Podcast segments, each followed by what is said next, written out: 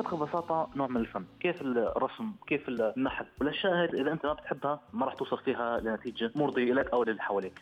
بعد يوم طويل من العمل والضغوط النفسية قد يستسلم البعض للطاقة السلبية فيما يمارس الايجابيون هوايه ما رياضية كانت أم فنية. لكن هناك شريحة أخرى من هؤلاء يتجهون إلى المطبخ ويبدأون في رسم لوحة فنية بين الأواني والأطباق. لوحة يمكن شمها وتذوقها. فن قطع فيه السيد حمزة عياش شوطا طويلا رغم أنه مهندس وأستاذ جامعي لكنه يجد أن الدقة في إعداد الطبق تلعب دورا في النتيجة دائما. لاحظت أول فكرة بالطبخ انه هو عبارة عن فن. أنت بتبدأ بالطبخ. ممكن تأخذ الفكرة الاساسيه ممكن تطورها حسب ما بناسبك. بحب بصراحة أجرب جميع أنواع الطبخات جميع أنواع البهارات.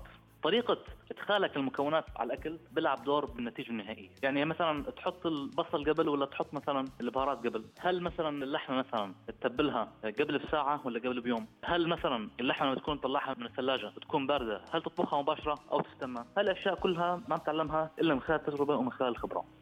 أقصر طريق إلى القلب قاعدة لا تقتصر على الرجال فقط بشكل ما صاحب النفس الطيب في مائدته محاط بالكثير من الأصدقاء دائما فلا يسمع الشكاوى عادة من أصدقائه ولا تذمرا من زوجته. تجربة يعيشها السيد عمر عدرة الطبخ صارت شغله بصراحة ممتعة.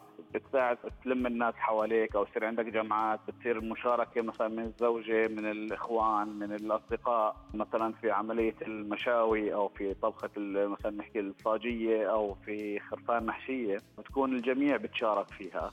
شيء مفيد إنه الشخص يكون طباخ ماهر خصوصا فترة الزواج أو ما قبل الزواج. يعني ما قبل الزواج لما الشخص يتغرب أو يروح يسافر للدراسة أو للعمل خارج بلده ما راح يقضيها مطاعم. بعد الزواج مرته مثلا بتدخل في مراحل حمل وولادة لا سمح الله مستشفى فبيساعد يطبخ في البيت ما يعتمد على موضوع المطاعم لأنه أول شيء مكلفة ثاني شيء ما راح تستطعم في أكل أنت بدك إياه.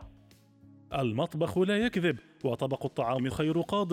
فللوصول إلى نتيجة مرضية لا بد من تطوير الذات دائما. أما الشعور بلمسة الفن فذلك أمر أساسي. هذا هو تفسير النفس الطيب في الطعام كما يعرفه لنا بطريقته السيد حمزة. صرت اتابع كثير قنوات على الطبخ وطرق مختلفة جدا، طرق عربية، طرق غربية، طرق هندية، لازم الشخص إذا بده يصير فعلا محترف لازم يروح على مكان يعطيه دورة، يعطيه دروس، يعطيه شوية تعليمات. الطبخ ببساطة نوع من الفن، كيف الرسم، كيف النحت، والأشياء هذه إذا أنت ما بتحبها ما راح توصل فيها لنتيجة مرضية لك أو للي حواليك، واللي بحب الشغلة ممكن يسويها، حتى اللي بيعرف يطبخ بحب هو يطبخ، ما بحب غيره يطبخ له مثلا، أو إذا غيره طبخ له ممكن يكون ينتقده كثير، ممكن يعطيه مثلا نصائح نوعا ما لا قاعد تكون، فهو الموضوع ببساطة فن. ربما كان من مساوئ تعلم الطهي التوسع في المعرفة مثل أي فنان يتحول الطاهي بعد فترة إلى شخصية دقيقة صعبة الإرضاء. فحري بمن يدخل ملعبه أن يجيد اللعبة أو فليتحمل الانتقاد كما يشرح السيد عمر. في مطاعم تعمل لك مثلا ملوخية على دجاج محمر تبع الماكينة أو المنسف بيسلقوا اللحمه لحالها بدون ما ينطبخ باللبن. مش كل الأكلات بتنعمل في كل المطاعم. بتروح على مطاعم تركية بتلاقي اللي بيطبخ ترعرع في بلده على نكهات معينة على نوع أكل معين. ما بيكون عارف الطعم الأصلي مثلا للأكل التركي. مثلا نحكي في مطاعم الأردنية أو الفلسطينية أو الشامية بتلاقي الطباخ ما بيعطيك طعمة الأكل السوري أو الفلسطيني أو الأردني بشكل صحيح. بتظل لمسة ابن البلد صاحب الأكلة بتكون غير. بينما بتروح على مطاعم هندية بتأكل مثلا الأكل الهندي على أصوله. الشيف تطلع طبخات الأكل تاعت بلاده هي بتطلع معاه 100% لأنه هو بكون عارف المذاق الأصلي تبعها.